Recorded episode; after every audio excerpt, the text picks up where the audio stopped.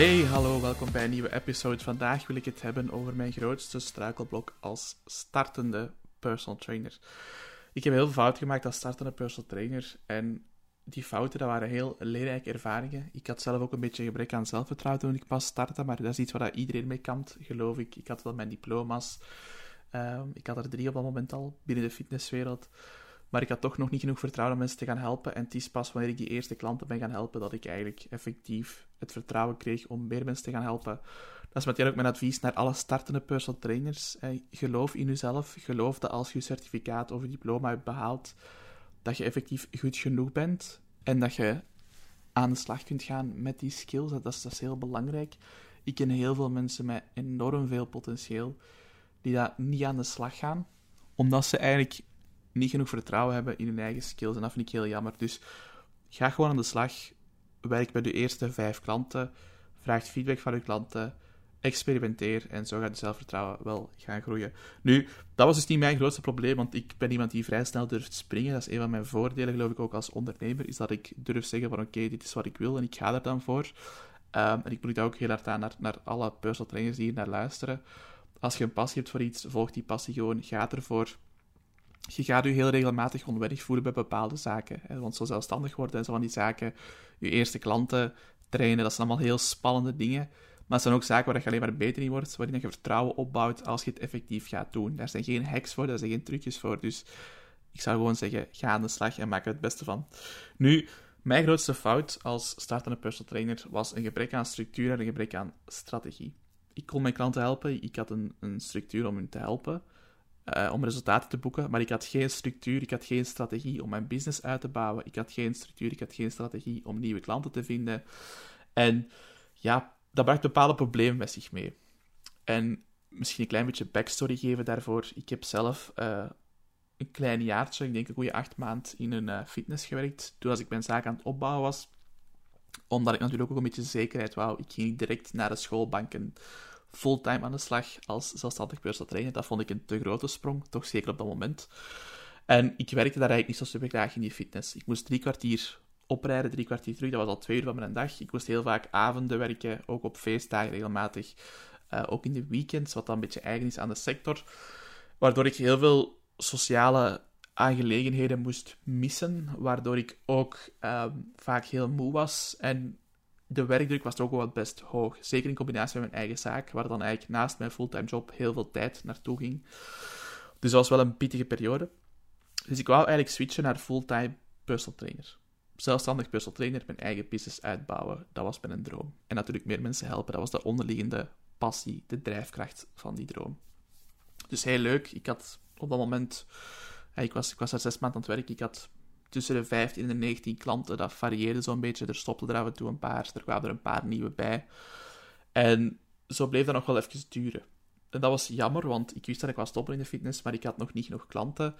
En dan na zes maanden heb ik gezegd tegen mijn werkgever van kijk, ik ga het toch proberen. Ik, als ik meer tijd heb, dan kan ik meer klanten gaan genereren. Ik was daar vrij zeker van. Dus ik heb gezegd van kijk, ik stop ermee. Ik heb nog een kleine maand en een half uh, mijn opzeg gedaan. Dan ben ik fulltime zelfstandig, personal trainer geworden. En toen wist ik van, oké, het is alles of niks. Ofwel ga ik er nu 100% voor, ofwel marcheert het, ofwel marcheert het niet. Dus ik moest er sowieso 100% voor gaan, maar ofwel ging het lukken, ofwel ging het niet lukken. Uh, dus ik begon eraan. En ja, al heel snel was duidelijk dat ik niet de juiste kennis had om op een consistente basis nieuwe klanten aan te trekken. Dus ik moest iets gaan bedenken. Ik moest met een strategie komen om meer klanten aan te trekken en te gaan groeien. Want 19 klanten, was zo met een max op dat moment, was niet voldoende om comfortabel van te kunnen leven. Dus wat ben ik gaan doen? Ik ben heel laagdrempelig gestart met mijn kennis te, te vergroten rond marketing, rond business, rond sales ook. Dat was ook een belangrijke pijler. Ik ben boeken gaan kopen rond die topics, uh, heel veel boeken gelezen. Ik uh, ben ook nadien een aantal cursussen gaan kopen, zoals die online cursussen. Uh, ook voor Facebook ads heb ik toch wel cursussen gedaan. Een sales training. Ik heb een uh, businesscursus gevolgd online. Ik heb zelfs een aantal cursussen gevolgd van, uh, van die vereniging voor ondernemers, het FOCA geloof ik. Dat was ook in, in Mechelen, waar je dan eigenlijk zo een, uh, een uh, business model canvas uittekent. Dat is zo een rooster met negen segmenten. Het was allemaal super interessant, maar het was zo allemaal iets te basic. Het zijn zo de basics die je altijd opnieuw kreeg. Op een duur had ik zoiets van, oké, ik heb het allemaal wel gezien. Ik begon wat meer te posten op social media. Ik ben een keer gaan flyeren in de stad. Echt letterlijk flyers gaan steken in elke brievenbus waar dat het mocht. We hebben er echt rekening mee gehouden, dat is, dat is geen grap. Overal waar op stond geen reclame, hebben we bewust niks ingestoken. Ik weet dat de meeste mensen daar geen rekening mee houden, maar als de mensen op hun brievenbus plakken, dan doe je dat vind ik persoonlijk. Hè. Dus dat is ook een beetje hoe dat ik wil ondernemen daarin. en ja, long story short, dat heeft wel wat opgeleverd, maar niet genoeg om nogmaals te kunnen zeggen dat er een grote groei was. Dus ik dacht, oké, nogmaals, het is alles of niks. Ik ga een business coach inschakelen. Ik ga een marketing coach inschakelen. Alleen een marketing coach, iemand die de marketing voor ons zou doen. En toen zijn we toch wel vrij snel gaan groeien. Dus echt even een paar, een paar duizend euro geïnvesteerd en even op de gaspedaal gedrukt. En toen zijn we vrij snel gaan groeien. Ik weet dat nog goed. Het was, als ik toen in mijn Virtua Gym dashboard keek naar die campagnes en naar die business coaching trajecten, dan, uh, dan waren we ineens van 19 naar 124 klanten gegroeid, om exact te zijn, in vier maanden tijd. Dus dat was wel echt een mooi resultaat. En wat ik daar ook nog aan herinner, is dat zeker nog niet alles was zoals het zou moeten zijn. Dus heel veel geleerd in die trajecten, heel veel getest. En dat was een heel mooi resultaat, maar ik had zoiets van: oké, dit is het niet. Ik moet ervoor zorgen dat ik ook zonder de hulp van die mensen, dat ik eigenlijk kan blijven groeien en dat ik die klanten die ik nu heb kan blijven behouden. Dus ik ben al die kennis die ik leerde heb in die boeken, in die cursussen en van mijn twee mentors dan, die ben ik gaan combineren en zo krijg ik voor gezorgd dat ik die, een aantal klanten kon behouden en dat ik verder kon blijven groeien. En dat was een structuur, dat was een strategie die ik heel lang gemist heb en die ik dan eindelijk had. En die strategie ben ik dan gaan omzetten naar een formule, naar een methode, noemen we de ACD-methode, onze befaamde methode, die dat we ook gebruiken bij PT Boost en die dat we implementeren bij andere personal trainers. Long story short, de ACD-methode was ontstaan en die bestaat uit drie pijlers. We hebben enerzijds de pijler Attract. En de pijler Attract is de volgende. Dat gaat erover hoe dat je je potentiële klanten kan gaan aantrekken. Dus hoe kan je mensen die binnen je doelgroep passen, dus met andere woorden, je ideale klanten, hoe kan je die gaan aantrekken voor je business? Hoe kan jij ze je content laten zien? Hoe kan jij ze laten weten dat jij bestaat en dat je hun kan helpen? En wat ik altijd vertel daarbij is, ik ben heel blij dat ik vandaag leef. En dat zou jij ook moeten zijn, want vandaag hebben we heel veel opties. We hebben echt heel veel opties om die ideale klanten te bereiken. Als je kijkt naar vroeger, dan waren die opties beperkt. En als je vroeger, dan spreek ik over de tijd voor het internet, voor het digitale, dan had je eigenlijk een paar opties. En een optie daarvan was bijvoorbeeld de tv, de televisie. Je kon een spotje opnemen, uh, je kon een reclamefilmpje opnemen en je kon dat laten afspelen op tv. Dat kostte letterlijk stukken van mensen. Dus als kleine zelfstandige was dat onbetaalbaar. Dan had je de radio. Je kon een clipje opnemen, je kon je stem laten horen op de radio, je kon reclame maken op de radio. Dat kostte ook veel geld, ook niet geschikt voor kleine zelfstandigen. dan had je de krant. In de krant kon je artikelen laten zien laten lezen. Kon je een boodschap zetten met een leuke afbeelding. Maar ook dat was eigenlijk zelfs te duur voor kleine zelfstandigen. Dus moesten wij als trainer in die tijd geleefd hebben, was het voor ons veel moeilijker geweest om ons ja, om reclame te maken, om zichtbaarheid te krijgen voor onze diensten. En wat ik daarbij ook zeker wil vertellen, is gewoon dat marketing in de laatste honderden jaren nooit veranderd is. Het ging er altijd om om te gaan nadenken van waar zijn de ogen en de oren van mijn ideale klant, van mijn doelgroep. En hoe kan ik hen bereiken? Hoe kan ik mijn boodschap laten horen of laten zien aan mijn ideale klant? Dat was 200 jaar geleden zo, dat was 100 jaar geleden zo. Dat is vandaag nog altijd zo. Alleen zijn de mediums die we gebruiken heel veranderd. En we zien vandaag dat er heel veel opportuniteit ligt in social media. En daar ben ik super dankbaar voor. En dat zou jij ook zeker moeten zijn. Want wij kunnen voor enkele euro's kunnen wij onze boodschap laten zien aan onze ideale klant door bijvoorbeeld tegen Facebook te zeggen van kijk, mijn doelgroep is 35 tot 45 jaar. Dat zijn vrouwen. Vrouwen die geïnteresseerd zijn in dure merken. Ik denk ineens aan iets, um, waar heb je zoal dure merken? Uh, L'Oréal bijvoorbeeld, make-up. Ik weet niet of dat duur is. Um, maar laten we zeggen, in dit voorbeeld dat L'Oréal een heel duur merk is. Dan weet je, dat zijn mensen met kapitaal. Dat zijn vrouwen binnen de leeftijdscategorie die ik wil helpen. En dan kan je eigenlijk aan die mensen een relevante boodschap laten zien. Voor 5 euro kan je letterlijk een paar honderd mensen bereiken binnen die doelgroep. En dat is ongelooflijk krachtig.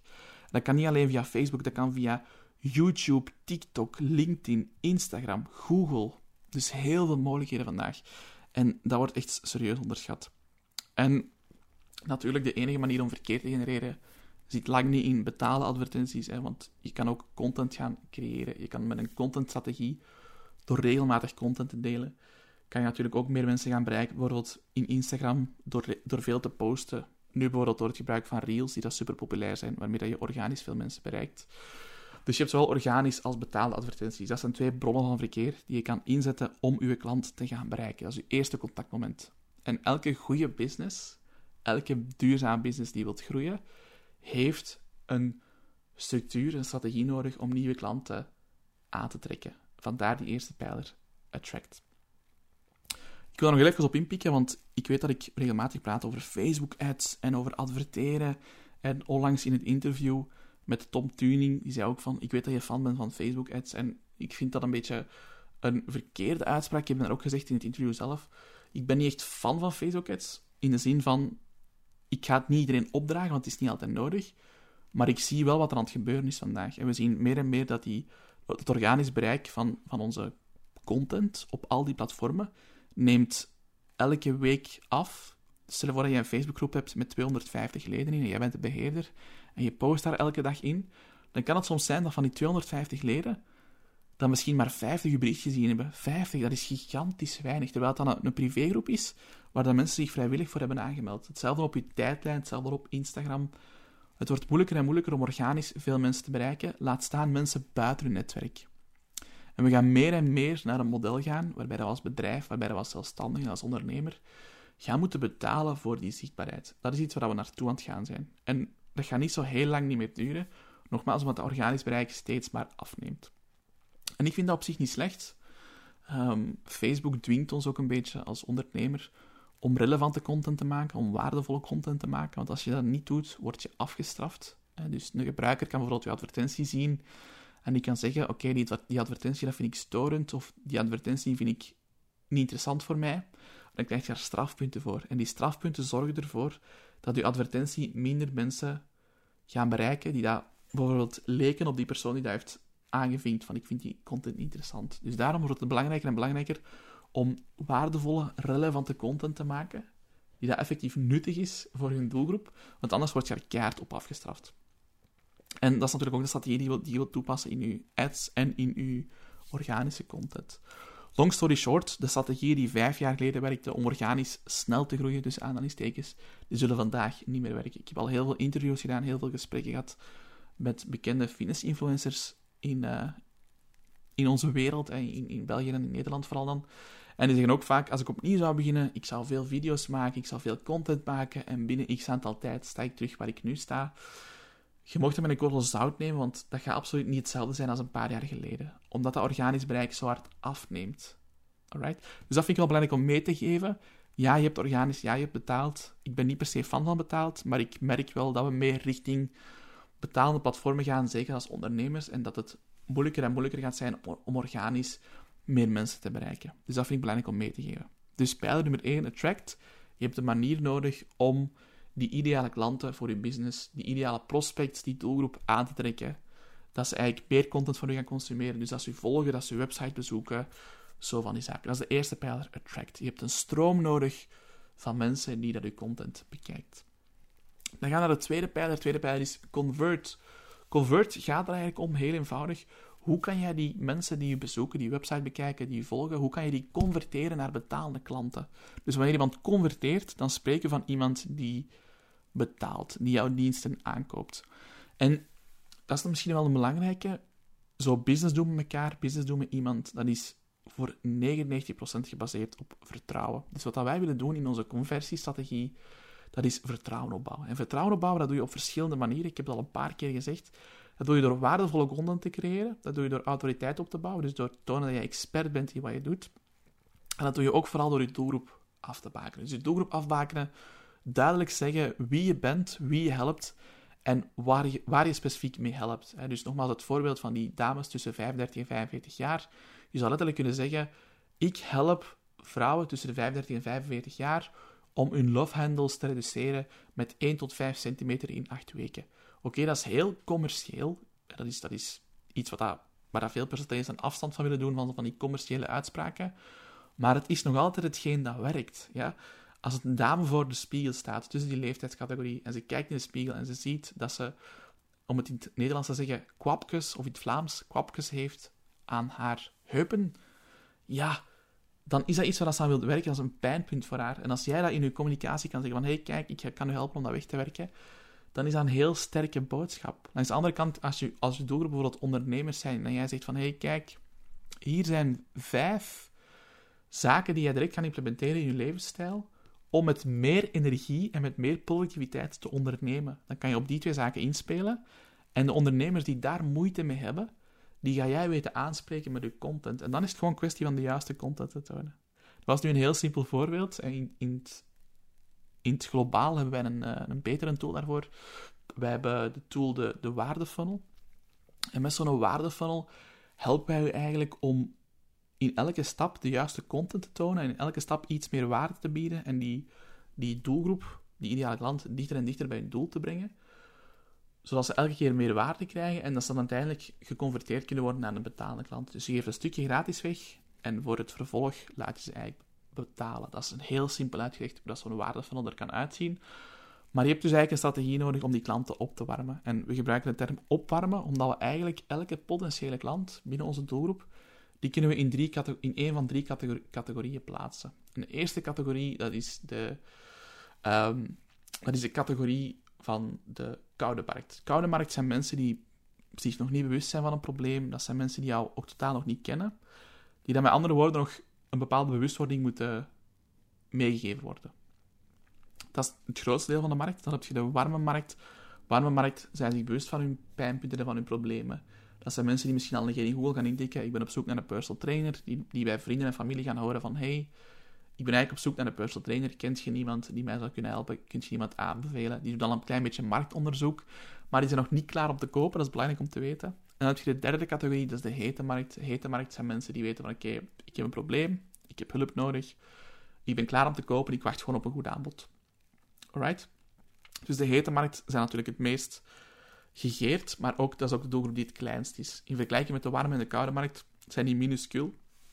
En de koude markt is de grootste markt. Dus wat, wat wij nodig hebben, is eigenlijk een strategie om de mensen die we aantrekken, of dat ze nu koud, warm of heet zijn, om die mensen eigenlijk op te warmen, om de volgende stap te nemen in het proces, om uiteindelijk van ons te kopen. Dat is die waardefunnel. En als je ooit een boek hebt vastgehad over marketing, dan zal je waarschijnlijk wel een keer die term, de funnel, tegenkomen zijn. Over die funnel ga ik niet veel uitwijken in deze episode, omdat dat minder relevant is voor wat we nu bespreken, maar ik ga daar zeker nog wel eens op terugkomen. Dus met pijler 1, hoe ga je je doelgroep gaan aantrekken? Dat ze u gaan volgen of dat ze je website bezoeken. Pijler 2, je hebt een strategie nodig om die mensen eigenlijk te gaan converteren en op te warmen naar betalende klanten. En stap nummer 3 is deliver. Dus de D staat voor deliver. Deliver gaat erom dat jij een ongelooflijk goede service biedt, dat uw retentiecijfers omhoog gaan en dat uw klanten gewoon in het algemeen heel goede resultaten boeken. Want de resultaten van uw klanten zijn uw beste marketing, dat wordt heel zwaar onderschat. En ook je retentie, als je kijkt naar hoe lang iemand blijft bij een personal trainer, als je de duur van uw klanten, de, de customer lifetime value van uw klanten kan verhogen door ze langer bij u te, te houden, als je daar een strategie voor hebt, als je een goede service biedt, dan, dan is die retentie, dan zijn die lifetime values vaak een, al een pak hoger. Maar ook daar heb je een strategie nodig om een heel goede dienst te leveren, dat die mensen bij u blijven. En om je daar een idee op te geven, er zijn eigenlijk drie businessmodellen binnen de fitnesswereld, binnen de personal trainingwereld specifiek. Ik ga er even kort overlopen en ik ga u ook vertellen welke dat wij gebruiken bij PT Boost en waarom dat we daar zo fan van zijn. Het eerste businessmodel is het Done for You businessmodel. Het Done for You businessmodel is net zoals bij offline training, waarbij je dan bij online training de Zoom call inplant waarbij je je klanten eigenlijk letterlijk één per één begeleidt. Waarbij je Zoom-calls inplant van een uur, waarbij je een uur lang zegt, dit is de oefening, waarbij je ze bijstuurt in de techniek, waarbij je met hun meetelt, waarbij je zegt wat de volgende oefening is. Kortom, het is letterlijk done for you, dus de klant moet gewoon aanwezig zijn en jij gaat eigenlijk constant zeggen wat ze moeten doen en waar ze moeten op letten. Right? Voor de klant is dat super, want de, de klant krijgt een heel persoonlijke begeleiding voor u als trainer of als coach, en de, trainers die al wat langer bezig zijn, gaan dat wel bevestigen, kan dat vrij vermoeiend zijn. Hè? Want je doet eigenlijk altijd hetzelfde. Je moet altijd terug gaan uitleggen wat is, wat is een goede squat. Altijd die herhalingen tellen, constant bijsturen. En ja, wat je dan ook hebt, je hebt heel snel je plafond bereikt. Hè? Stel je voor dat je agenda vol zit. dan kun je geen extra klanten aannemen, dus je kunt niet meer verder groeien. Je hebt letterlijk je limiet bereikt met je business. Dus dat is sowieso jammer. En anderzijds ook, ja, je kunt minder mensen helpen. Dus als uw doel is om zoveel mogelijk mensen te helpen naar een gezonde levensstijl, dan is uw impact heel erg beperkt. En het grootste vind ik zelf, is beperking in vrijheid. Dus je bent nog altijd gebonden, ook al werk je online, je bent nog altijd gebonden aan die agenda van je klant. En dat is gewoon heel erg jammer. Dus nogmaals, het Done for You model, heel interessant voor je klant. Voor u als trainer of als coach veel minder interessant. Het tweede businessmodel dat we heel vaak zien, nummer 2, is het do-it-yourself model. Het do-it-yourself model dat bestaat eigenlijk uit dat je als personal trainer bijvoorbeeld één lang programma maakt, of dat je één keer veel tijd investeert liever in het programma. En dat programma dat exporteer je dan als PDF, of dat, dat, dat verkoop je als Excel-file naar je klanten toe. En je zegt tegen je klanten, van hier is een programma, met dat programma help ik u om bijvoorbeeld 5 kilometer te lopen, of om uw borstkas te vergroten, ik zeg maar iets. En dat wordt een acht weken splitschema dan voor de borstkas bijvoorbeeld. En je verkoopt dat en nadien heb je nooit meer contact met je consument. Dus je consument koopt je programma en dan is het gewoon letterlijk aan hen om zelf aan de slag te gaan.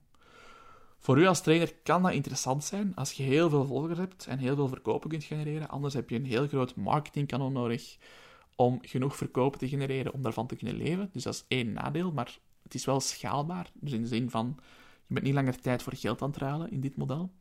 Het grote nadeel ligt vooral bij de klant. Er zijn heel veel mensen die zo'n programma aankopen, die dat één of twee keer gebruiken en er dan eigenlijk niks meer mee doen.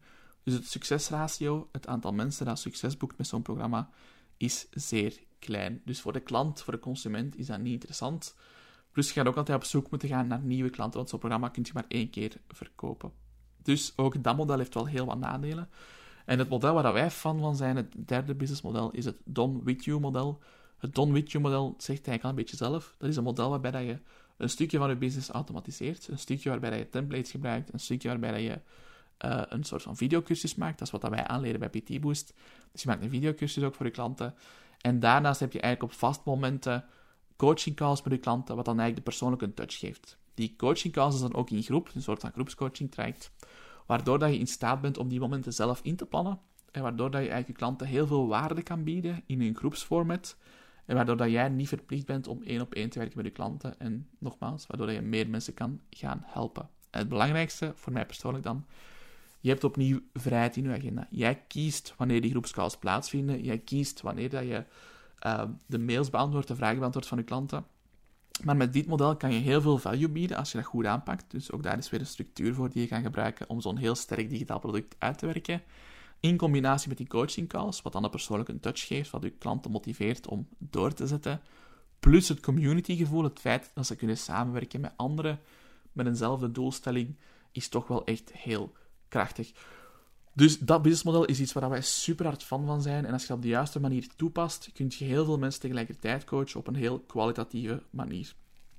Dat businessmodel is ook iets wat ik niet in detail kan toelichten in deze episode, maar iets waar ik zeker nog op ga terugkomen in de toekomst. Het is ook iets wat we aanleren binnen ons 10 weken coaching traject. Wanneer je deze drie pijlers correct toepast, wanneer je deze drie pijlers opzet en je hebt een strategie voor elke fase, je hebt een manier om nieuwe klanten aan te trekken, je hebt een manier om ze te converteren naar betalende klanten en je hebt een manier om een heel goede service te bieden, dan is de cirkel rond. Want klanten die tevreden zijn, klanten die resultaten behalen, gaan reclame maken, gaan nieuwe mensen aantrekken. En als jij een systeem hebt om die nieuwe mensen op te warmen naar betalende klanten en die betalende klanten opnieuw tevreden te maken, dan kan je business echt gaan groeien.